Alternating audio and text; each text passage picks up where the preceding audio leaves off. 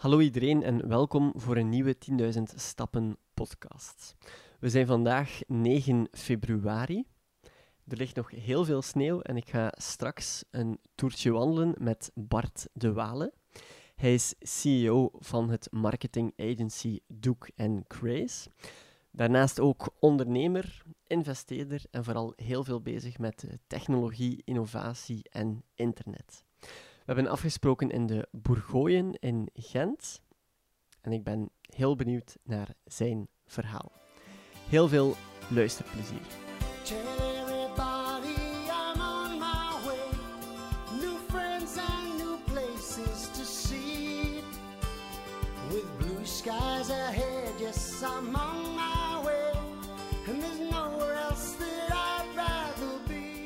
Welkom uh, Bart, dat je met mij een keer wil gaan wandelen. Dank je, met plezier Bart. Dus uh, ja, het is een Bart en Bart uh, podcast. We zijn hier nu in de mooie Gentse uh, Bourgogne, dus ik vind het fijn dat je deze locatie hebt gekozen.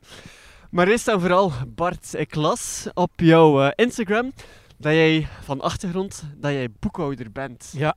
ja Hoe wordt een boekhouder, hoe wordt dan een digitale ondernemer? Hoe kom je daar terecht? Uh, per ongeluk zeker. ja, iedereen heeft een verleden. Hè. Ja, absoluut. Uh, ik ben uh, van opleiding boekhouder. Klopt. Maar ik heb het nooit zoals ik katholiek ben, nooit praktiserend geweest. Ik ben eigenlijk onmiddellijk na mijn afstuderen in een bank begonnen. Echt in, in 1995, vorige okay. eeuw. Uh, en mijn eerste dag was uh, achter een loket couponnetjes stempelen. Oké, okay, dus, oké. Okay. Old school, met nog een schermpje zo in amber. Ja. Kleur, ja. ja. Um, maar ja, daar tien jaar gewerkt in, in een bank. Toch? Oké. Ja. Um, veel geleerd. Uh, maar ook onderweg zo mijn passie ontdekt. Eind jaren 90 uh, internet en alles wat digitaal is. En na tien jaar begon dat te kriebelen. En okay. was zo, ja, weet je, uh, bank is tof. ik heb daar veel geleerd, maar het is tijd voor iets nieuws. En dan heb ik de sprong gewaagd met een ja. compagnon, met Dirk. op onze zolderkamer, letterlijk. Ja. Waar dat de netles is ja. ontstaan. Ja, klopt. Oké. Okay. Voor de mensen die het niet kennen, leg ik eruit wat jullie toen deden. Ja, Netlash, toen het gestart was, in 2006, waren we met twee mensen. En we maakten websites voor KMO's. That's it. En dan nog in die tijd, kan ik mij voorstellen, dat dat niet zo makkelijk was. Dat allemaal zo in de kinderschoenen stond. Oh, ja, wel, in beide richtingen. Hè. Het was juist wel makkelijk, hè, want uh, iemand zonder vooropleiding, een opleiding bestond niet daarvoor. Oké. Okay. Dus als boekhouder kon je zelf uh, websites maken. Oké. Okay. Uh, dat was nog redelijk simpel, dat zou ik nu niet meer, uh, niet meer kunnen doen. En je, je deed het toen zelf? Je maakte zelf websites? Ja. Ja, ja. allebei? Ja, ja, ja. Dus Dirk, Dirk was graficus okay. van de opleiding. En hij zorgde voor alles wat, wat het grafische was. Uh, en ik, uh, ja, ik liep daar een beetje bij in het begin. Oké. Okay. um, nee, ik maakte dat in HTML, CSS, wat hij ontworpen okay. had in Photoshop. Ja. Maar op een bepaald moment, um, ja, dan had hij Dreamweaver ontdekt. Nu ben ik echt uh, oldschool aan het babbelen. Ja, en daarmee, daarmee, kon je vanuit Photoshop rechtstreeks naar HTML, CSS exporteren. Oké. Okay. Um, en... Ja, ik dacht, ik zit hier met een probleem. Hè? ja. ik, ik, ik, kan niks, dus ik heb mezelf leren programmeren. Okay. En heb een, eerste uh, avant la lettre CMS gebouwd. Uh, en vandaar is dat gestart. En dan, maar ik je vraag, wat was toen, ja, nu, nu onze informatiebron, internet, YouTube, tutorials, maar hoe leer je eind jaren 90 jezelf programmeren? Dat is niet zo evident, ja, toch? Vallen en opstaan. Ah ja, doen, voilà, doen, inderdaad. Doen en, en veel uren spenderen. Um, ja, ik ben er wel wat door gepassioneerd geweest. Maar um, ja, op een bepaald moment had ik ook wel door, ik ben een slechte programmeur. Dus ik was dan wel gedwongen om uh, samen met het bedrijf snel te groeien, zodat ik een slimmere programmeur in dienst kon nemen. Ja. ja. En, en eigenlijk is dat een beetje de story van Gans, Duke and Grace en Netlash en Wijs, is uh, dat ik eigenlijk op elk moment mezelf ontslagen heb en slimmere mensen gezocht heb. En, ja. en, achteraf gezien is dat eigenlijk mijn enige grote talent, Bart. Dus mensen vinden die slimmer zijn dan Oké, okay. voilà. Ja. Ja. Dat talent moet er ook zijn, want allee, gezien vandaag, als je kijkt, uh, Duke and Grace, jullie werken met meer dan 100 mensen mm -hmm. daar. Allee, dat kun je al niet meer het kleine bedrijfje noemen. In die bank waren we met 20.000. Hè. Ah ja, oké. Dus eh, alles is relatief. Geen clubje meer van 10 mensen. eh, maar het is- blijft wel een KMO. Hè. Eind jaren 90, wat was bij jou de, de trigger van dat, van dat internet? Iedereen was er wel zo over bezig, maar, maar vanaf wanneer zag je toen van oké, daar zit echt wel potentieel in, daar moeten we iets mee gaan Mhm. doen? Ja, dat, dat voelde al onmiddellijk eh, heel goed aan. Ehm, ik zag onmiddellijk dat dat mensen kon samenbrengen. eh, verbindingen kon leggen eh, die, die ervoor niet waren. Ik was niet de enige, hè, dus dat Nee, was, nee, dat was-. Dat was blaringly obvious, maar eh, wat ik altijd probeer uit te leggen, wat is, wat is de kracht geweest van internet, en nog altijd trouwens. Ja, al- als je zoals ik in een, ehm, in een slaperig provinciestadje opgegroeid bent, en je waart een beetje buiten de norm, ehm, dan waren je alleen. En je Ja. waart gelimiteerd in je netwerk door de, fysi- de fysische omgeving. Ja, iemand die, eh, je netwerk per definitie waren mensen die in een straal van 10 kilometer rond u woonden. Ja, nee, klopt. Ehm, internet brak dat open. En plots kon je spreken met mensen die dezelfde interesses hadden, die je niet kon vinden in je eh, provinciedorpje, maar daar, die wel eigenlijk je tribe waren. Plots kwamen die allemaal samen. Dat is een ongelooflijke kracht. Zowel negatief als positief. Hè. Dat zie je nu ook met, met alles wat rond, rond eh, Trump en eh antivaxers gebeurt. Er zijn ook negatieve krachten. Hè. Klopt. Ehm, Klopt. maar dat, die, die, dat potentieel om mensen samen te brengen, dat is uniek. Dat is echt... eh, dat, dat was voor mij... En, En- heb, je, heb je dan lang mo- moeten nadenken om, om dat gegeven te vertalen in een goede businessmodellen? eh, Want dat is ook zoiets, ik kan mij ben voorstellen. altijd op zoek ja, nee, maar in, zeker in die tijd, en oké, ook de dag van vandaag, maar in die tijd van je Mhm. gaat daarmee naar de klant van hey, cool, eh, wij vinden dat hij een website nodig hebt, eh, dat je daar kunt gevonden worden. Was dat in het begin was dat niet, maar oké, ik vind dat niet nodig. Zoals dat er nu nog lokale handelaars en bepaalde beroepen zijn van ah, een website, social media, hebben dat Ja. eigenlijk niet nodig. Ik heb mijn klanten en dat is oké. ik denk dat dat het laatste jaar wel een beetje veranderd is. Maar Nee, ehm, klopt. goh, eh, ik heb wel mijn, mijn bedrijf mee laten evolueren met de evolutie van het internet in onze maatschappij. Eh, als, ik, als we begonnen echt eh, fulltime in 2006, dan was internet iets voor bedrijven, hè? iets dat zo aan de zijkant stond, zo iets voor nerds, een kleine minderheid. En dat schoof langzaam maar zeker op. En dan werd dat zo'n beetje een soort van het, het greenwashing van, goh, we geloven er niet echt in, maar het schijnt dat we dat moeten doen. En dat is dan opgeschoven naar, ehm, dat was, de eerste was het tijdperk van Netlash. Mhm. En dan is dat opgeschoven naar ehm, goh, internet. Dat is belangrijk. Een zeer goed, eh, goede manier om ons publiek te bereiken. Maar dat is nog iets anders dan niet digitaal. En dat werd zo in twee silo's naast elkaar gezet. En dat was de periode van Wijs. eh, eh, is, werden wij heel vaak naast een, een reclamebureau gezet. Ehm, en dat is nu de laatste jaren, twee, drie jaar, tal jaren geleden, opgeschoven naar... Ja, weet je, dat onderscheid kun je niet meer maken. En dat digitale zit in de kern van je business. En dus je moet dat omnichannel en niet in een silo aanpassen. Nee, aanpakken. klopt. Klopt. En dat is ook de evolutie bij ons naar Duke and Grace. Duke and Grace is ook niet meer puur digitaal. We maken ook televisiespots en, en verpakkingen. Ehm, heel veel digitaal natuurlijk, hè, want dat is wel de kern. Ehm, maar dat is de evolutie. Zo, zo, dat zijn golven die door, door bedrijven trekken. Hè, van, van digitaal, dat is iets aan de zijkant voor nerds, naar een soort van greenwashing, naar een silo binnen uw bedrijf, Ja. naar echt de kern, de kern van uw bedrijf. Ja. Ehm, en daar zijn we mee op geëvolueerd en op gegroeid. En voor jezelf, een nerd? Eh, ja, ja, maar definieer dan wat nerd is, hè, want ik zie dat niet als een scheldwoord. Tegenwoordig is ja, nerd volgens mij zelf iets positiefs of zo. Vroeger was dat zo... Allee, negatief is niet het juiste woord, maar waren de mensen toch bestempeld van nou, het is wel een nerd, een geek, dit en dat. Terwijl nu, ja, ik denk Ja, dat veel mensen er wel trots op zijn. En terecht ook. Want ik weet het niet. ehm, wat, wat een nerd voor mij is, is iemand die, die eindeloos nieuwsgierig is. ah ja, Eh, voilà. En dat kan u beperken als je eindeloos nieuwsgierig bent voor één ding tot in alle diepte en al de rest negeert. Ja. Dat denk ik is niet oké. Als je dat breed genoeg houdt. Ja. Ja.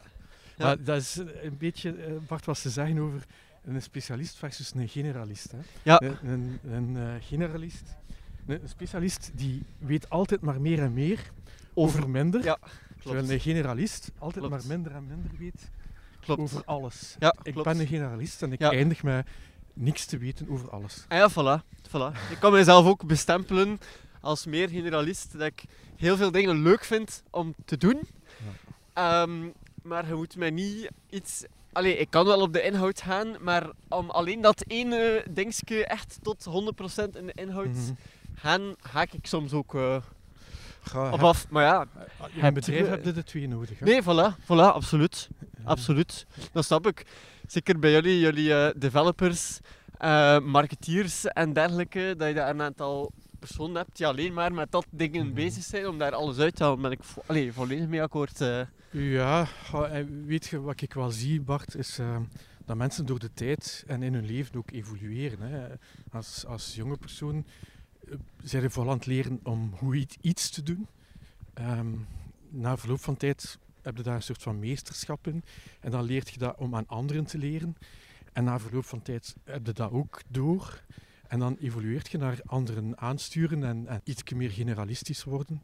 Klopt. Ehm, ja, dat komt gewoon. De, de uitdaging komt verder met, eh, met de tijd. Maar de- wat ik wel eh, wijs en, en leuk vind aan jou, dat je zelf met alle nieuwigheden, zeker op, op Hmm. social media vlak, maar ook met blog, mogelijkheden en dergelijke TikTok, dat je daar ook mee experimenteert. En nu, ja, ik heb gezien dat je al een week op Clubhouse Ja, eh, ik zit. was eigenlijk van plan om, eh, om eh, dit tegelijkertijd live uit te zenden op, Ah, eh, oké. op Clubhouse, Ja. Voilà. Ehm, maar ja, wat vind je van? Dat is nu momenteel echt aan het hypen. Wat vind je daar zelf van? Goh, Het is nog te vroeg om daar al een, eh, een, een echt gefundeerd oordeel over te vinden. Ik denk dat ehm, alles wat met audio eh, te maken heeft, is, is ma mateloos interessant op dit moment. Hè. Voilà, Eh, kijk. Wat we nu zelf aan het doen zijn, is- eh, aan het wandelen en- en een podcast aan het En. Clubhouse is een soort van Twitter-versie van podcasts. Zoiets wat wie- veel, heel wat meer in the moment is. Uh-huh. Ehm, dat zal ook zijn plaats vinden. Ja. Ik, denk, ik denk niet dat het zo ehm, mainstream zal worden als eh, TikTok. Uh-huh. Eh, maar het gaat ook zeker zijn plaats hebben. Net zoals dat podcasts hun plaats hebben Ja. naast radio en televisie en YouTube en TikTok. Maar wat, wat ik raar vind bij podcasts, is dat dat, Mhm. denk ik, een vijf, zes jaar geleden, dat het al zo'n keer beginnen boomen of hypen is. Het is al langer geleden, denk ik, zo. Langer Met de, met de opkomst van, de, van de iPhones en dergelijke. En toen is dat zo even geweest. Toen is dat weer heel...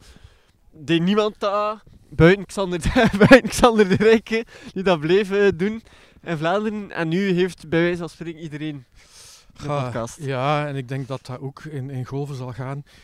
Voor mij het grootste gevaar voor podcasts, want ik, ik I love hem, hè. Mhm. Ehm, maar voor een medium om volwassen te worden, moet het ook volwassen worden. En moet het eh, uit de amateursfeer Ja. geraken. Ja. En podcasts zullen daar iets lastiger mee hebben, omdat daar niet zo'n evidente manier is om dat te gaan eh, monetizen. dat is inderdaad door, wel eh, waar. door eh, de schoonste eigenschap van internet die er is, door zijn open formaat. Maar daardoor is het juist moeilijker om dat te monetizen. Nee, klopt. en ik zeg, ik zeg niet dat iets de bedoeling moet zijn om te monetizen, maar er moet wel een soort van duurzaam verdienmodel achter Ah ja, om te blijven bestaan. Absoluut. Absoluut. En dus daar ben benieuwd of Ja. dat het uit Ja. die amateursfeer zal geraken. En eh, qua, qua, qua TikTok, ehm, wat trekt u daar aan? Want je bent toch wel een actieve... Nu denk ik iets minder dan vroeger. Ja, Ehm, ik daarmee moet Maar toch, ja, voilà, voilà. Maar ik vind dat wel, allee, ik vind dat wel wijs dat je het voortouw neemt. Eh, Je staat aan het hoofd van een groot digitaal bedrijf. En dat ze daar... Ik ga het anders vragen, wat zijn de reacties van de medewerkers als ze Ah. hun werkgever en baas eh, toch wel humoristische video's zien maken Ja. op TikTok? Ik denk dat ze het proberen te negeren. Eh, ik heb eh, een hele hoge tolerantie voor, voor schaamte en, en cringe. Ja, dus, mijn bedoelingen voor TikTok, daar iets op te doen, ehm, was gewoon om de mechanieken te leren kennen. Ik voelde, Ja. ik voelde echt aan mijn gut, dit wordt echt groot. Dit Ja. is, dit is een, een Facebook, Instagram, eh, eh, competitor, absoluut. Ja. Ehm, en ik wou die mechanismes leren kennen. Ja. ja en ik ben geen 17-jarig meisje die goed kan dansen, hè, dus ik moet Nee, iets, ik moet iets doen. Hè, Bart. Ja, Eh, nee, dat is waar. Voilà, cringy dad jokes. hè, Maar ga je dan echt, allee, kijk je dan ook soms, eh, wa- wat is er trending en probeer je daar dan ook op in te haken? Of, of als je een TikTok maakt, waar komt je inspiratie van? Of is dat soms gewoon van on the moment and the go? Ik leef met, met drie tieners in mijn Oké. huis. Oké, ja. Dat komt vanzelf. Ja. En, en het moment dat ze eh, eh, aan tafel alle drie oogrollen, dan weet ik dat ik goed zit. Zalig, zalig. En eh, ja, ze maken zelf ook veel TikToks.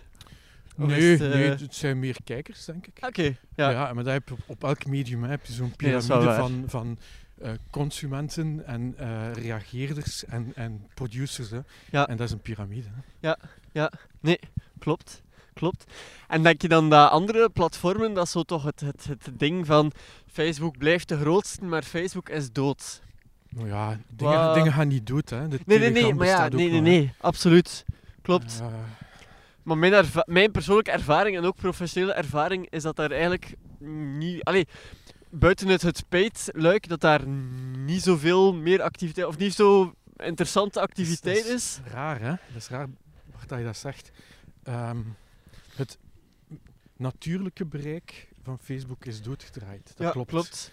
Ja, ehm, maar als ik kijk naar wat we bij Duke and Grace doen, is Facebook nog wel een van de beste kanalen om, eh, om voor een bedrijf echt naar leads of sales te gaan. Ja.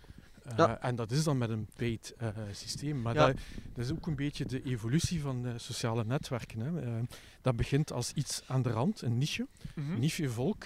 Maar degenen die erop zitten, ja, die halen onmiddellijk een groot bereik. Ja. Ehm, maar de prijs daarvan is experimenteren. Er zijn geen draaiboeken. Ja, nee, klopt. En dan groeit dat naar een redelijk groot bereik. En dat wordt professioneler en professioneler. Je kunt nog altijd een natuurlijk bereik hebben. ehm, maar je moet er al uitspringen eh, op vlak van creativiteit en, Ja. en productiewaarde. En dan wordt het een mainstream platform zoals Facebook, zoals Instagram. En dan beginnen ze dat te monetizen. Beginnen ze dat natuurlijk bereik dicht te draaien. Ehm, en dat is waar Facebook nu zit. Hè. Dat is waar Instagram nu aan het komen is. Hè. Het, het natuurlijk bereik bij Instagram wordt eh, langzaam maar zeker dichtgedraaid en, en daar komt een, een verdienmodel. En dat ga je bij TikTok ook zien. Klopt. En dan de andere moeilijkheid, denk ik, dat, dat ze bij Facebook hebben om hun, eh, ja, hun WhatsApp te gaan monetizen.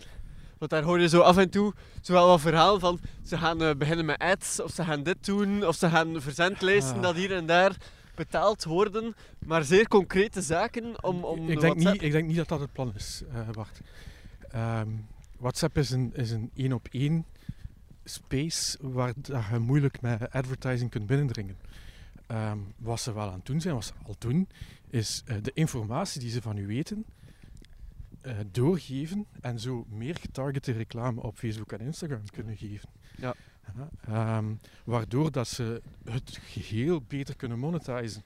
Dus eh, hoe meer getarget een reclame is, hoe duurder die is. Ja. dus hoe meer informatie dat een platform als Facebook, bedoel ik Facebook overkoepelend over Instagram en WhatsApp heen, eh, van u heeft, hoe, beter dat ze, hoe duurder dat ze hun reclames kunnen verkopen. Ja. Ehm, dus zij hoeven geen reclames op WhatsApp te zetten. eh, zo, ja, top. Nee, klopt. Ehm, zij moeten gewoon meer informatie over u te weten komen en dan u op Facebook en op Instagram gaan stalken met reclame. En dan hoe sta je zelf? Omdat je staat aan de, aan de marketingkant en ja, ik professioneel ook. Maar hoe sta je tegenover dan het ja, gaan verzamelen, dat die grote platformen, die dataverzameling en versus ja, dat er meer regulatie moet zijn. Hoe sta je daar zelf tegenover? Ehm, genuanceerd, eh, Bart, laat mij zo zeggen. Eh, eerst en vooral, ehm, ik ben niet tegen reclame of eh, data. Ik denk dat dat een noodzakelijk onderdeel is om onze economie te doen draaien. Langs de andere kant, je moet dat op een verantwoorde eh, en respectvolle manier gaan doen. Ehm, en ik denk dat dat op het internet uit de hand gelopen is. Wij die onze data eh, geven aan, eh, aan verkopers, dat is niet nieuw. Als ik naar mijn kleermaker ga, dan heeft hij heel intieme data over mij.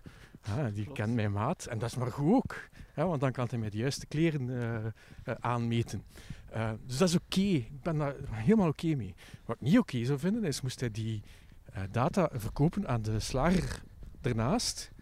En dat die slager mij contacteert en zegt, Bart, ik zie dat je een maatje meer hebt tegenwoordig. kan ik je interesseren in een biefstukje? Ja, ja, ja. ja, En ja. dan wordt dat, dan wordt dat fout. Ja.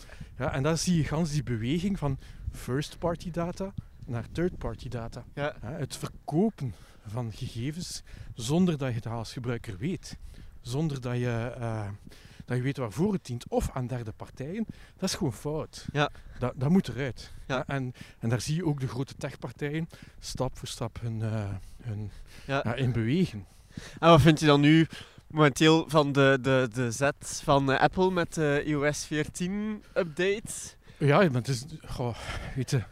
ehm, Oh, ja, ja, eh, technisch valt dat wel te omzeilen, maar het, gewoon het principe erachter. They, they also want to make money, hè? dus laat ons daar niet, eh, eh, niet flauw over doen. Ehm, eh, ze hebben gewoon ook een ander businessmodel. Ehm, en Apple en Facebook staan daar lijnrecht tegenover elkaar. Ja. Eh, maar ook Apple gebruikt uw privédata. Hè? Alleen denk ik dat ze al heel vroeg ingezien hebben. Je moet dat afschermen, je moet dat in een vertrouwensomgeving doen. En je moet dat niet doorgeven aan derden. Ja. Dus ik vind die- de move van Apple ehm, heel juist en, en correct. Ehm, nu, disclosure, ik ben een ongelooflijke Apple-fan. Ah, wel, ik ging net eh, vragen Apple of Android, maar blijkbaar eh. Apple was er van begin, eh, van begin bij. Nee, nee, nee, nee, nee, nee zeker Ah, nee, niet. van begin bij, omdat je... But once you go back, you don't go back. Ja, absoluut. absoluut. Eh, maar omdat je in het begin van de podcast vertelde van eh vroeg het potentieel van, van internet, hadden jullie dan ook eh, vroeg computer thuis en toegang tot internet? Of heb je dat meer openbaar in de bibliotheek moeten ont- eh, ontdekken? Ik, of... ik, ben, ik ben oud, hè, Bart. Toen ik opgroeide was er geen internet. Nee, nee, nee, absoluut. Eh, maar to- en, en Eh, toen je had- studeerde, was, kwam dat had toen in mijn middelbaar een Commodore 64. Oké, En daarvoor een ZX80. oké, Dus en daar programmeerde ik zelf mijn spelletjes op. Ja. oké. Mijn, mijn eerste spelletje, ik kan je zeggen hoe oud dat ik was, hè, ehm, was op zo'n eh, zo'n Commodore 64 en er was nog geen opslagmedium. ja, dus, Ja. eh, en ik kocht een tijdschrift, papier, waarin een ganse rijen cijfercodes stonden in hexadecimalen. Ehm, en dat tikte je dan een uur in en dan stond er een spelletje op. En dan kon je dat spelletje spelen. En eh, een, een pongachtig iets. Ja. En als je de computer uitzette, was dat weg. Ja, shit. Dus En dan de volgende keer was je weer eh, bezig met... Voilà. Oké. En dan dacht ik, ja, dat kan ik het even goed zelf maken. Ja. Ehm, maar dus ik ben aan de universiteit beginnen studeren, 89, 90. ehm, Uh-huh. eh, en dan was er een rekencentrum dat internet had. Eh, en dan, ja, half jaren 90 eh, kwam Telenet. Eh, en dan, dan is het eigenlijk begonnen. Oké, zot. En uw fascinatie voor, eh, voor eh, Apple, ja, van waar komt dat? Kijk je ook zo naar figuurlijk naar Steve Jobs? Ja, absoluut. eh, is, is een Kijk held. Ja. Maar, maar dat is niet omwille van Steve, Steve Jobs begonnen. Dat is omwille van, ja, Dirk heeft mij verplicht om op Apple te gaan. Oké. En een keer dat je daarmee werkt, dan Ah ja, nee, nee. Dat klopt gewoon. Dat werkt. Absoluut. Die dingen Absoluut. zijn mooi op elkaar afgestemd. En elk stuk in dat ecosysteem ver, verdiept dat gevoel nog. En verbetert dat gevoel nog. Klopt. En ben je ooit eh, ergens zo, ja, Silicon Valley of weet ik veel daar, eh, hun, de grote Apple campus gaan bezoeken? Ben je daar al geweest? Eh, Apple en Cupertino niet, nee. Bij Google wel.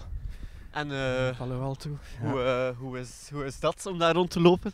Ja, dat is redelijk zot. Hè. En dan passeert er daar zo'n zelfrijdende auto. Zot. Het is wel al een paar jaar geleden. Hè. Ja. Ehm, maar ook, goh, dat was, ik ben aan het denken, vijftal jaar geleden.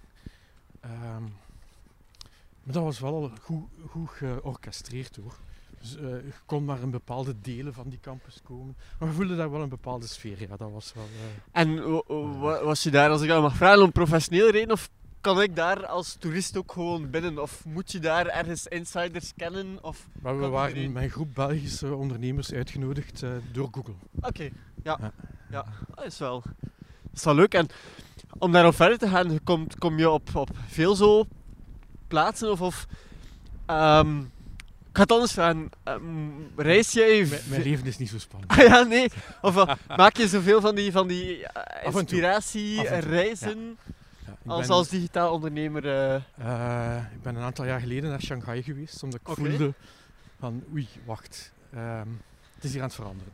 We moeten in plaats van naar het, naar het westen, naar het oosten beginnen kijken. Nou, dat, dat was ook zo. Hè. Ik kwam daar terug. Met, we, hebben daar, we hebben daar heel veel toffe bedrijven bezocht in Shanghai en in Singapore.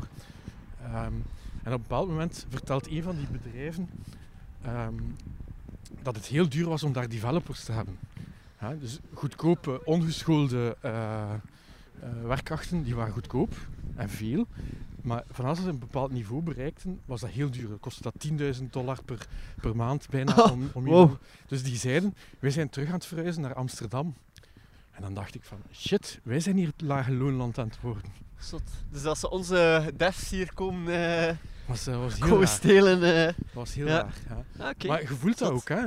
Ehm, die, wij, wij lopen een beetje achter hè, daar. Dus wij zijn nu eigenlijk China aan het kopiëren. Hè. Ja. Wij zijn de kopieerders, hè, niet China. Hè. Ja. Ja. Ja. Die hebben de- ons eigenlijk geleapfrogged. Hè. Hebben een, stap overgeslagen op een of andere manier. En daar zit iedereen op mobile. En een stap verder. Hè. Ah ja, ja, nee, nee, klopt. Klopt. Nee, ik eh, lees zelf ook zo eh, regelmatig zo, allee, die boeken van Stefan Bellegem en dit en dat. Mhm. En er zijn inderdaad wel interessante bedrijven en e-commerce eh, bedrijven. Ehm, vind je zelf dat wij in cadeau betrekken in Europa eh, wat een beetje die boot gemist hebben en als dat er hier Oh. toch geen enkele grote eh, sociale media of e-commerce speler is. Allee, je hebt de bol.coms en dergelijke, maar je kunt dat niet vergelijken met de heel grote spelers, denk ik dan. Nee, en ik, ik vraag me af of dat nodig is. Ehm, ik denk dat we hier in Europa wel wat sterktes hebben. Ja. Ehm, want wat er nu aan het gebeuren is, de voorbije vijf jaar ongeveer, is dat het max-evenwicht van het westen, Silicon Valley, naar het oosten, naar China aan het verhuizen is. Oké. Ja, ehm, en ik denk dat wij met heel veel eh, bewondering mogen kijken naar, naar China en, en daaruit leren. Op dezelfde manier als dat we keken met bewondering naar eh, de Verenigde Staten. Wetende dat dat een ander model is, die voordelen heeft, maar ook nadelen. Ja. aan beide kanten en aan beide kanten van het spectrum. En ik denk dat Europa daar een, een unieke plaats tussen heeft. Ja, en en dat, daar een soort van bezadigder manier van kijken heeft, maar ook een zorgzame manier die niet het eh, radicale kapitalisme is, van ieder voor zich van, van de Mhm. Verenigde Staten, maar ook niet het eh, staatsgeleide, iedereen doet hetzelfde van China. Daar zit iets tussen. Ja. En, en bijvoorbeeld met GDPR toont volgens mij Europa daar de, de waarde en de weg eh, vooruit van wat dat wij daar kunnen betekenen. Ja, oké. Stel je voor dat je... Allee, we zijn nu aan het wandelen en hij mocht zelf Ja, zo... of wel een godverdikke tempo erin, de maat. Ik ben al een oude mens, hè. ja, voilà. Nee, dat je, dat je zelf met een, eh, een ondernemer of een figuur naar keuze zelf een uurtje mocht wandelen en je mocht die persoon alles vragen. Wie zou dat... Wie zijn zo de figuren waar dat je opkijkt en mocht je Ja, met die persoon een uurtje gaan wandelen bijvoorbeeld? Als van, ik echt mag kiezen, zou ik graag nog een uur met mijn vrouw gaan wandelen. Ach, dat is, als dat is, oké is. dat is Want- Want mijn vrouw, super mijn mooi. geeft eh, Latijn, Oké. maar zij geeft geen Latijn. Zij geeft, eh zij geeft goed doen. Dat is, dat is ongelooflijk. Ik, heb daar zo'n bewondering voor, Ja, hoe dat ze dat doet. eh, Ja? zat. Maar als je dan toch een, on een ondernemer... Toch een ondernemer. Of eh, er is een internationaal figuur of zo, dat je gewoon zegt van... Ah, Die heeft het, dat is wel een voorbeeld, professioneel, waar ik naar kijk los. Dat heel mooi is wat hij daarnet... eh mhm. ben, zei? ik, ga eens, ik ga eens goed, goed nadenken. Ehm, ja, ik zou toch wel nog een keer eh, in Steve Jobs zijn hoofd willen kijken. Hè. Ja. Als, dat, als, dat, als die ook allemaal goed verleden Ja. zijn. eh. ja, heb, je die ooit, heb je die ooit ontmoet? Nee, waarschijnlijk. Nee, nee, nee. nee, nee. Ehm, maar dan zou ik liever geen ondernemer kiezen. Maar Maar ja, maar het hoeft... J- een, JD, een JD Salinger eh, zou ik graag een keer... Die ken ik niet, ja, eerlijk ja, gezegd. was ik daar een keer op. Kijk, Oké. voilà. Dat heb ik ook eens bijgeleerd. Ja, oké. Voilà. Nee, dat ga ik, dat ga ik zeker doen. En waarom? Eh, Niet dat ik die persoon dat is- ken, een schrijver. Ah, Oké. Oké. ongelooflijke boeken geschreven die een ongelooflijke eh, indruk in op mij hebben En fictie of non-fictie? Eh, fictie. Oké, Ja. ja. En, eh, en dan de sprong daarna is. eh, ehm, ja, er zijn heel wat science fiction auteurs die, die mij beïnvloed hebben in mijn professionele leven. Hè. Ik- Oké. Ik, ik zeg altijd, het meeste wat ik geleerd heb en, en geweten heb over internet, heb ik geleerd uit een boek van Neil Stevenson Oké. eh, uit 93. Oké. Die eigenlijk alles al voorspelde wat er nu aan het gebeuren is. Zot. Dus, wel eh, sterk. Ja. En zijn je, Snow je, Crash, moet zei ik je- zoeken. oké. Zijn je een grote lezer? Geweest. Ja, Eh, ja, ja, nee, ik ben nog altijd een heel grote lezer, maar nu is het digitaal. Ah, oké. Eh, dus geen boeken, maar wel Ja. van eh, blogartikel naar, naar whitepaper. Eh, En wat doe je zo s'avonds om je eh, na een eh, drukke werkdag vergaderen, veel online computer, om zo een keer even Netflix offline... chill, eh, hè. Netflix Is dat het? Is? Ja. Netflix uit chill? Wa- ga- Of zo, om, of, hoe, gaat, hoe ga jij offline? Hoe, hoe detox je? Wat is voor jou de ideale detox om even alles online te laten vallen? Ja, je, je zegt het verkeerd, denk ik. Ehm, als ik echt wil weg uit het dagelijkse werk raken, Uh-huh. dan lees ik online. Ah, Dan heb ik zo van die flow surfsessies van artikel naar artikel en dat, Ah, ja, ja, dat mij en dat Ja. geeft mij nieuwe inspiratie en eh, Ja. daar haal ik Ja. wel veel uit. Oké. Maar ik, ik game ook. Ja. wow. Voilà. En wat, eh, wat, eh, wat speel je dan voor games? games. Ah, ja? Eh, ik speel heel graag Diablo 3. Ah, oké, ken ik. Nice. Voilà. Ja. Ja. Cool. Zalig, ja. En is dat, is dat wijd geweten dat je een gamer... eh allee, weten veel mensen dat? Allee, Oh, weet ik niet niet. dat ja, dat, niet dat dat super belangrijk is, maar ik vind het wel... vind het wel eh, cool. Ik zag dat ook. Ja. Ja. en tot, tot eh, drie jaar geleden Bart zei ik dat gamen mijn hobby was. En dan heb ik een keer mijn tijdsbesteding bijgehouden. En eigenlijk tot de constatatie gekomen dat gaan eten mijn hobby was. Oké. wat, dan, Dus- eh, wat dan ook een fijne Eh, bezigheid ik, ik eh, doe dat graag. is. Ik, eh, ik eet Ja. heel graag eh, Ja. lekker. En Ja. goed. Ja. Wat, nu een beetje jammer is. Nee, Ik klopt. dat wel. Klopt.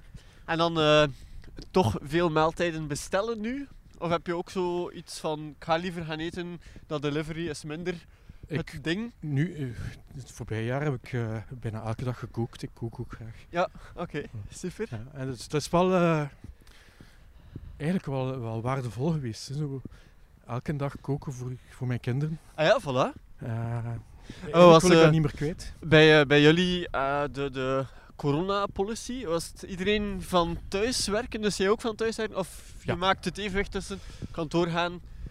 Eh, thuis default, werken. default thuiswerken. Hè. Ja. Default, eh, Ja. Maar dat is niet evident geweest, Bart. ah ja, Eh, nee, dat zal wel.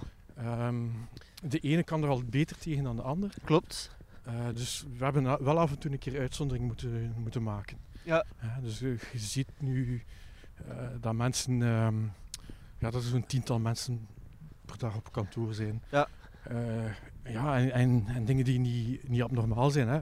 Uiteraard onze creatieven die, die graag op elkaar verder bouwen. Ja. Maar ook de jonge ouders die een keer willen ontsnappen. Ja, nee. en de jonge mensen die alleen zitten. Hè. ja. Voor Ja. hen is dat super lastig. En heb je makkelijk toen vorig jaar deze periode het nieuws kwam, is er makkelijk bij jullie geschakeld? Of Ja, heeft dat toch wel even... Ja, Ik, ik zag het aankomen. Dus eh, eh, ook daar weer. ja, maar Je moet eh, ja. voorspeller Bart de. Nee, nee, nee, nee. Dat was, dat was voor mij obvious. Een week daarvoor zag ik dat gebeuren en ik dacht, we gaan ons klaarmaken. En dus ik, ik had eigenlijk al de, de avond ervoor, voordat de lockdown afgekondigd was, aan iedereen gezegd, Mm. Zorg dat je alles mee hebt om thuis te kunnen werken, want Ja. dit gaat gebeuren.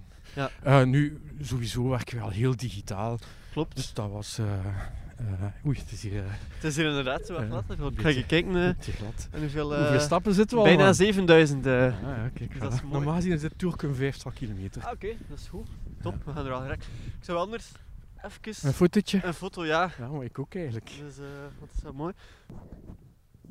Eh, we zijn nu even aan het stoppen om een, eh, voor een fotomoment. Dat is ook belangrijk voor eh, de social media. Everything for the gram, man. Yes. Bitches love the gram. Ik las ehm, ook op je website. Oei, we gaan even zo moeten, moeten Ja. draaien voor de kamers. Oké. Ja, het gaat beter. Dat, ehm, dat jij naast eh, ja, CEO van ehm Duke Grace ook veel investeert Goed, dat is een... in bedrijven. dat- Of ik heb, ik heb een, een lijstje gezien op jouw website. Ja, ik, ik zit in een aantal Of dat je een aantal, adviesraden eh, en raden van bestuur. En Ja. ik, ik probeer te helpen waar ik kan.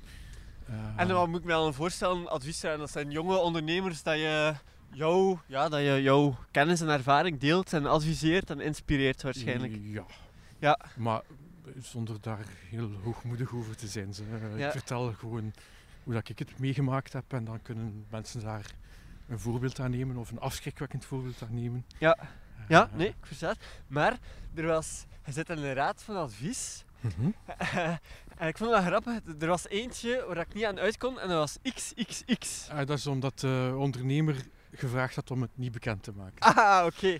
Ik was al andere dingen, andere dingen aan het, aan het, eh, aan het eh, denken. Waard, waard, Maar ik, waard. ik dacht, ik ga toch een keer vragen. Als je dat soort verhalen wilt, dan, eh, dan ga ik je van de begindagen van Netlash vertellen. Eh, oké. Eh, daar hebben we nog Start. mee gemaakt. Ja. Ah, oké. Nee, ja, dat, dat, dat is ook het internet natuurlijk, hè. Ja, we hebben daar afscheid van genomen. Hè. Maar kijk, in 2006 ehm, waren wij als een van de eersten in, in België heel hard bezig met SEO. hè. Uh-huh. ik, ik, ik zag dat al gebeuren, van uw website gaat niet over uw website, maar over gevonden worden in Google. Klopt. Hè, dat was toen in, in België nog wel een nieuw concept. Ehm, en de- dat was de periode van de flash-websites. Alles moest bewegen en, en, Ja. en muziek maken. Ehm, en per ongeluk kwam er, eh, en ik had ja gezegd, ik vond dat wel een keer tof om te doen, was er een escort dame die haar website bij ons laten maken had. Oké. En die scoorde plots heel erg hoog in Google. Dat in die, sector, in die Ja. sector is dat super belangrijk. Ja. Dus op een bepaald moment kregen wij de ene na de andere vraag vanuit die sector. eh, Oké. om zot. dat soort eh, websites te gaan maken. Ja. Ehm, eh, En dan is het evenwicht maken tussen inkomsten en een beetje het, morele eraan? Of? eh, morele, ja, dat, dat waren meestal wel sterke dames hè, die, voor, die eigenlijk zelfstandig ondernemer waren. Ja. Eh, maar nee, goh, weet je, dat, was, ik wou daar, ik, dat was nu niet de sector waar ik mij wou in Ah ja, nee, nee, dat snap ik, dat snap ik Eh. 100%. Eh, zeker, maar ja, je moet maar kijken. Het eindjaar is nog niet zo ver van ons af. Maar alle lijstjes die online verschijnen en ook de meest populaire websites zijn de, ja, de, de adultindustrie. We kunnen er Ja, op een of ja, andere manier. Dat is ook het adagio. Hè. Dus Die, als je wilt eh, weten waar de toekomst naartoe gaat, follow the porn en follow the gamers. Ah ja, voilà. Nee, D- Dat zijn de twee waar je naar moet kijken. Die Ja. zijn altijd de innovators. Nee dat, dat, dat, klopt wel. Dat klopt wel. Dus, en, eh, en het voordeel is dat je dan kunt zeggen dat het voor je werk is, hè Bart? Nee. ja. Dat is, eh, dat is, eh, ja, dat is waar. Dat is waar. Kijk, vanaf nu ga ik dat eh, als, reden, eh, als reden inroepen. Nee, eh, het is niet waar. Ehm, nee, eh, wat ik eh, nog ging... eh, Is een beetje van uw melk, hè, man? Ja, wel. nee, maar ja, het is waar. En Ik vind het eh, wijs dat je dat eh, vertelde. Ehm, en nu dat we het over wijs hebben, dat was nog een vraag Mhm. die ik had. Eh, ja, van waar komt vroeger de naam van het vorige bedrijf Wijs? Ik heb dat al in dit gesprek zeker al tien keer gezegd of zo. Maar, Maar, dat was mijn plan B. Moest dat niet lukken met dat digitaal, dan zouden we eh, via Sabam aan elke Gentenaar die dat woord gebruikte 1 eurocent per keer eh, vragen. dat was stel, je, ja. stel je voor. Dat niet, niet zo lukken. Nee, ehm, ga, 2006 Netlash opgericht en websites maken. En Netlash, van waar komt dat, die Oei, naam? Of? nu zijn we helemaal terug aan het gaan. Ja, Ehm, oorspronkelijk eh, ehm, zaten Dirk en ik in een clan. in Een clan eh, van gamers. We Ah, speelden. Doom en dat Ja. soort dingen. En dat Ja. was de tijd van de LAN-parties, waar dat we Oké. eh, samenkwamen in een zaal en met onze computerschermen en onze bakken. Toen moest dat nog samen, toen moest dat nog fysiek. Dan moest dat fysiek Ja. met een coaxkabel, ja, Ja. absoluut. Ehm, en onze clan in Doom was Netlash, een, een soort van whiplash, een zweepslag voor het net. Ah, oké. En dan in 2006, eh, toen het bedrijf eh, startte, was dat gelijk logisch, Ja. de naam van het bedrijf. Ja. Ehm, dan hebben we in, in 2011 zag ik wel, Bart, dat pure websites maken, Fietser. pure websites maken, dat dat niet voldoende was. Hè. Ik wou bedrijven helpen ehm, en een goede website maken was één ding, maar dan zorgen voor goede trafiek daar naartoe was het volgende. En dus hebben we eigenlijk een, een fusie aangegaan met Bicine, wat een online marketingbureau was toen. Oké. En dat werd dan Netlash Bicine. Ehm, maar de oefening om daar één bedrijf van te maken, die dat geïntegreerd aanpakte, was ook de oefening om daar samen als team een nieuwe naam te verzinnen. Zodat dat niet een, een overname of, of een, een, een onevenwicht was, maar iets nieuws dat we samen aan het bouwen waren. En dus hebben we een briefing uitgeschreven voor wat moet de naam zijn, ja, met alle eigenschappen enzovoort. Ik wou ook weg uit dat technisch klinkende hè, dat nogal, nogal techneutig klinkt, eh, naar iets meer communicatief. Ehm, Dus uh, hebben we aan iedereen gevraagd in ons bedrijf, uh, verzin maar namen. En daar hebben we like, 200 namen gekregen. Um, en degene die, uh, wiens naam gekozen werd, die kreeg een etentje in het Hof van Kleef. Ah, wauw, zalig. En dus, ja, Dries heeft de naam Wijs verzonnen. Dries Bultink? Dries Bultink, okay. ja. ja Super. Voilà. Ja. en die is dan echt Hof van Kleef geweest. Nice. Nee, dat is, dat is, dat is leuk. En dan, ja, nu dat we toch uh, over namen bezig zijn, dan uh, ja, Duke and Grace, van waar ja. komt dat dan? Weer dezelfde beweging. Hè. Op het einde van Wijs zien dat puur digitaal, uh, in die golven van het, van het internet, um, te eng was voor ons. Hè. Dat we daar, ja, je kunt niet alleen een goede website hebben en goede online marketing, maar dat merk moet ook juist zijn, dat product moet ook juist zijn. Ja, dus we wilden ook daar weer uitbreken. En dus hebben we ook nog een paar overnames gedaan, waaronder Jens, wat een, een een, een echt reclamebureau was. Um, en ook daar dezelfde oefening gemaakt van wijs, dat beknelt ons als naam, we gaan een nieuwe naam zoeken. Niet alleen voor de buitenwereld, maar vooral voor onszelf. Uh, en dus daar hebben we die oefening weer intern gedaan met, met een gemengd team. En Duke and Grace, de betekenis daarvan is dat wij dingen samenbrengen. Hè. De, de waarde zit vooral in die ampersand. Wij leggen de brug, wij leggen de verbinding, wij pakken dingen geïntegreerd aan. En het, zowel het analytische, het, het, uh, het ratio-stuk, als het meer emotionele en menselijke stuk. Man en machine samen. Okay. Dat is Duke and Grace. En uh, terug hetzelfde met een interne wedstrijd onder collega's? Nee, we, hebben, we hebben dat professioneel aan. ja, oké. Okay. nee, ja, het kon, kon nee, zijn... Uh... Ja, goed, we hadden dan, dan echte merkenbouwers uh, in ons team. Hè. Ja. Uh, en we zijn nee, door ons eigen proces gegaan. Hè, dat ja. we nu ook gebruiken voor onze klanten. Dus ja. dat, ja. dat werkt wel. Super. Iets interessants dat je daar net zei, vond ik... Um, en ik weet dat het voor de grap was, maar... een plan B. Mm -hmm. Wat was vroeger of, of is jouw plan B? Of stel je voor dat je morgen zegt van ja, die digitale sector, ik heb het helemaal gehad. Ik wil echt iets helemaal anders gaan doen. Dat is het. Hoeft niet, als je dat niet hebt. Kan ook, Nee, ik, ik, denk niet dat ik een plan B heb. Uh, op, op, nu, op elk moment. Uh, ik ben ook niet met Netlash in 2006 begonnen met het idee dat zal Duke and Grace worden. Met die skillsets en 100 mensen. Dat is iets waar je de, de, de goalposts elk jaar verzet. Hè, en elk, elk jaar laat evolueren, zelfs elke maand laat evolueren. Uh, dus ik weet, ik zal waarschijnlijk nog in hetzelfde bedrijf zijn, maar het zal wel waarschijnlijk iets anders zijn binnen tien jaar. Hè, net zoals dat Netlash wijs geworden is en wijs Duke and Grace. Um, dus ik kijk daar niet naar als van ik, ik, dit kan mislukken en ik moet een plan B hebben. Ik bekijk het als project tot project en, en dan zien we wel. Um, Zijn jullie eigenlijk ook uh, internationaal bezig? En dan heb ik het niet over klanten, maar hebben jullie internationaal ergens vestigingen? Um, nee, op dit moment nog niet. En is dat uh, ambitie? Oh, dat is altijd ambitie, hè. Ja. We werken nu uh, voor Netflix in Amsterdam. Zalig. En voor Samsung in Amsterdam. Dat zijn al niet de minste namen natuurlijk. Ja. Dus uh, misschien dat onze klanten ooit eens volgen. Hè. Ja. Uh, en dan, als ik mag vragen, hè, wat, wat doen jullie exact voor Netflix? Of Netflix. is dat, is dat ja, intern? Ik, ik kan nu dat vertellen, maar dan moet ik u vermoorden. Ah, oké. Okay. uh, ja, wij helpen series lanceren. Hè. Ja. en dat maakt mij wel trots, want dat zijn... niet de minste. ja, dat maakt me vooral trots op het werk, het creatieve werk dat mijn, mijn collega's doen. Het is ongelooflijk wat ze aan het doen zijn. En oorspronkelijk was het enkel uh, de bedoeling uh, om voor de Belgische markt voor Netflix te werken.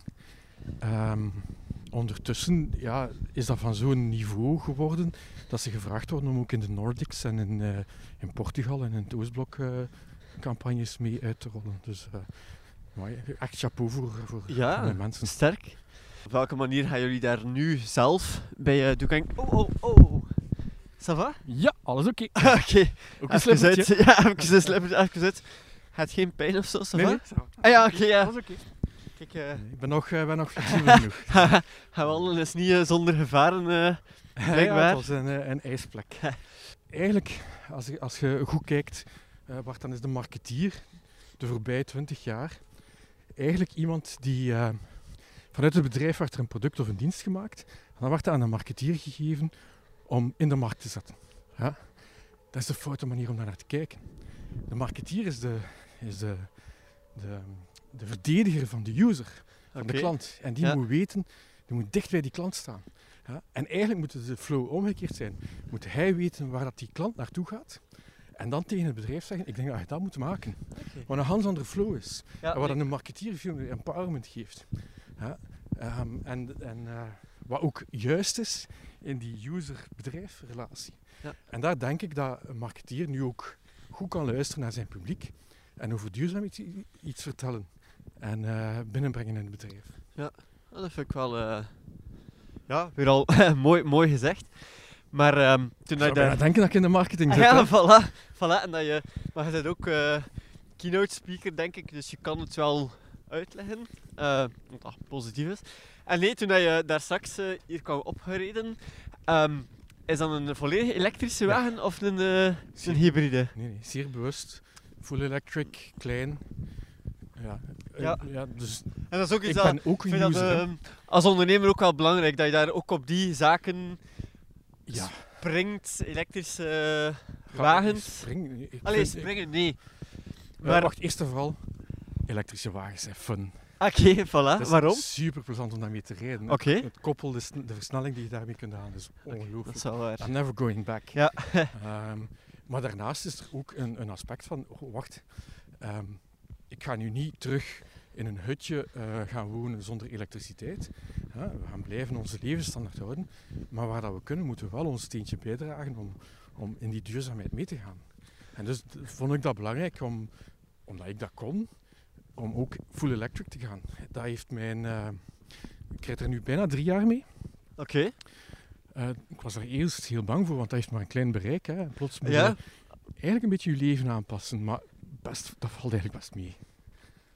Dus, Maar s- snap je voor de, voor de gemiddelde consument, particulier, dat, dat van die elektrische auto's nog heel duur zijn? Tuurlijk, tuurlijk, met tuurlijk, absoluut. En daarom is het mijn taak om voorloper te zijn. Ja. Hè, eh, omdat ik dat kan, omdat ik dat, dat risico kan nemen. Ehm, want dat is wat de cyclus in gang zet naar meer verkoop en dus goedkopere eh, modellen. Dat zie je nu gebeuren. Hè. Maar het is wel voor mij heel duidelijk, dat is... allee, binnen dit en tien jaar gaan we het Elektrisch Het of is allemaal hybride, waarschijnlijk, allemaal. combinatie. allemaal. Ja. En dat zal ook ja, ja, fiscaal voordeliger zijn, hoe dat je draait of keert. Dat weet ik niet. Eh, een keer dat het flipt naar de meerderheid, zult je daar even hard op belast worden. Hè? Want de overheid moet zijn, eh, Op die manier wel. zijn inkomsten halen. Hè? Ja, nee, nee, dat is waar. Maar gewoon door de massa eh, en de massaproductie en de schaalvoordelen gaat dat gewoon goedkoper worden. En, ik, en, en zelfs, hè, want in essentie, wat, waarom is het nu duur? Omdat je een ontwikkelkost hebt die, die nu bijna volledig doorgerekend wordt. Ehm, er zijn eh, trendwatchers die voorspellen dat de elektrische auto naar 3000, 4000, 5000 euro gaat. Ah, Oké, Ja, nou, en dat is ook logisch, want die is veel minder complex om te maken. nee, klopt. Klo ja, waarschijnlijk wel, maar ik heb mij ook wel laten vertellen en, en dingen gelezen dat het eh at the end niet volledig minder vervuilend is dan Ah, bullshit. je- maakt de redenering van een boomer die ah, om teven welk, om welk excuus zoekt om niet te moeten veranderen. Nee, Ja. nee, dat is bullshit. Allee, gebruik nu een keer gewoon je gezond verstand. Ehm, ja, er, er- we blijven dezelfde hoeveelheid energie verbruiken. Hè? No doubt about it. En dat, die energie van een elektrische wagen komt ook ergens vandaan. Hè? En dus dat kan allemaal. Eh, maar tegelijkertijd, het gezond verstand zegt toch dat het veel makkelijker is om dat geconcentreerd onder controle te houden en te verbeteren en duurzamer te maken dan dat je elke auto afzonderlijk moet duurzamer maken. Nee, dat klopt, maar eh, denk die, die batterijen zijn toch niet zo duurzaam. Ik, ik ben een echte techno-optimist. Oké, Ja? Ja. Eh, Dit is een fase. We Ja. gaan hier door en dat wordt beter en beter en goedkoper en duurzamer. Eh, en, en een beetje vertrouwen in de technologie. nee, Die voilà. evolutie die komt er. Ben je dan eh, ben je fan van ehm, figuren zoals eh, Elon Musk? Eh, ik ben hier rap van, hè. Dat, je. Ehm, ja, ik kijk wel met bewondering naar de goede marketeer die hij is. Ja. Eh, en eh, ja, wacht, dat is een uh, verhitte discussie. Ja. Eh, ik, ik ben fan van de marketeer die hij is. Eh, ik ben fan van de, eh, de visionair en, en de durf waarmee dat hij de visie durft verdedigen. Tegelijkertijd denk ik, ja, hij is ook maar zijn boterham aan het verdienen. Hè. Eh, En wat vind je nu van, van het gegeven dat, eh, dat hij, of, of ja, Tesla, een hoeveelheid bitcoin heeft gekocht? ben al de derde die me dat vandaag ah ja, vraagt. voilà. Ehm, kan je eens anders vragen? Heb je zelf bitcoin? Ja, Verbaast mij niet. Eh, en per ongeluk, hè, op dezelfde manier. In 2014 wou ik een keer eh, wat dingen verkennen op de dark web. Oké, En dan had ik daar bitcoins voor nodig. En dan heb ik gezegd, Oké. ik ga voor 500 euro bitcoins kopen in 2014. Ik heb daar een beetje mee gespeeld en dan stond dat daar ergens. En plots in 2018. Was dat best wel wat... eh, ja. en Ja. nu weer. ja, inderdaad. Dus ja, ik zie dat niet als, eh, ehm, als de grote belegging. Ondertussen is het wel 40.000 euro geworden. ja, best ja, het zal wel. Best oké. Tuurlijk. Tuurlijk. Ehm, maar eh, eh, ja, dit is een long bet. Hè. Ik hou die. Eh, ofwel is dat waardeloos en dan was het goed speelgeld. eh, ofwel wordt dat eh 1 miljoen euro per bitcoin ooit. Ja. Ja. Dat, dat, dat kan beide zijn. Ehm, Ik geloof wel in het principe erachter. Maar of dat dan nu bitcoin gaat zijn of iets anders. Of een andere cryptocurrency. Eh, eh, ik denk dat je heel goed in de gaten moet houden wat China nu doet. Eh, de, de echte kracht zal een soort van cryptomunt zijn die wel gedekt wordt en, en wordt door een overheid. En ik denk dat China daar de, al, al mee bezig is. Ja. Maar gelooft dat wel sterk in zo de blockchain-principe en dergelijke?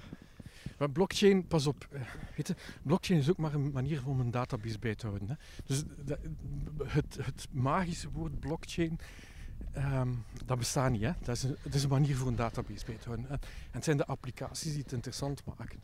Ja. Ehm, en en som- voor sommige applicaties zal een blockchain-architectuur goed zijn en voor sommige niet. Dus de- we hebben zo de neiging als mensheid om op, op toekomstige beelden al onze hoop en angsten te projecteren. Eh, net zoals bij AI. hè. AI is, is de naam die we aan iets geven als het nog niet goed werkt. Hè, als het wel goed werkt, noemen we het gewoon software. Hetzelfde. Ja. Ja. Ehm, maar ja, waarschijnlijk was, was eh, Excel, die in de jaren 80 geïntroduceerd werd, ook een vorm van AI. Hè? Ja. Eh, die boekhouders ging vervangen. Dat is nooit zo, hè? Dat is nooit zo. En dus blockchain, ik denk dat dat een, een, een interessante technologie is. Eh, goed in de gaten te houden op welke manier je dat inzet. Bijvoorbeeld, denk ik, eh, alles wat met fake news te maken heeft en alles wat we nu zien rond deepfakes en video's die nagemaakt worden, daar denk ik dat blockchain technologie een, een eh, rol kan spelen om de authenticiteit van beelden en woorden Te verifiëren. te verifiëren. Ja. En dat is de juiste manier, decentraal, untamperable with, en dan is dat juist. Maar of dat dan nu voor alles moet, dat weet ik niet. Ja. Crypto geloof ik wel heel sterk in. Opnieuw, zonder te weten welke, eh, welke coin het gaat worden, maar eh, die omslag naar programmeerbaar geld, hè, daar, we zijn nu helemaal verblind door al- alle hype en speculatie rond de waarde van, van eh, bitcoin. Maar de echte waarde van bitcoin-achtige dingen, van Ethereum bijvoorbeeld, zit Uh-huh. hem in het feit dat je geld programmeerbaar kunt maken. En daar hebben we nog, nog de killer applicatie nog niet gezien, maar die komt er. Oké, zot. Ik denk dat we bijna rond zijn, maar ik wil nog eh, met één vraag eindigen. Gewoon omdat je het daar zelf aangehaald hebt. Eh, ja, de dark web. Wat moet ik mij daarbij voorstellen? en wat doet een mens op de dark web?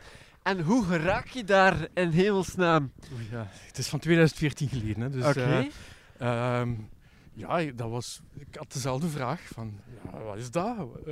Maar goed, je moet een speciaal soort browser hebben om daarop te gaan, die helemaal alles encrypteert. En dan kunnen daar van alles shady dingen vinden. Hè. En- maar moet ik me dan gewoon ergens als, als een soort Google-achtig systeem? Of, of het is een soort hoe moet ik me dat Het visualiseren? is een soort internet waar je alleen maar op kunt via een speciaal stukje programma.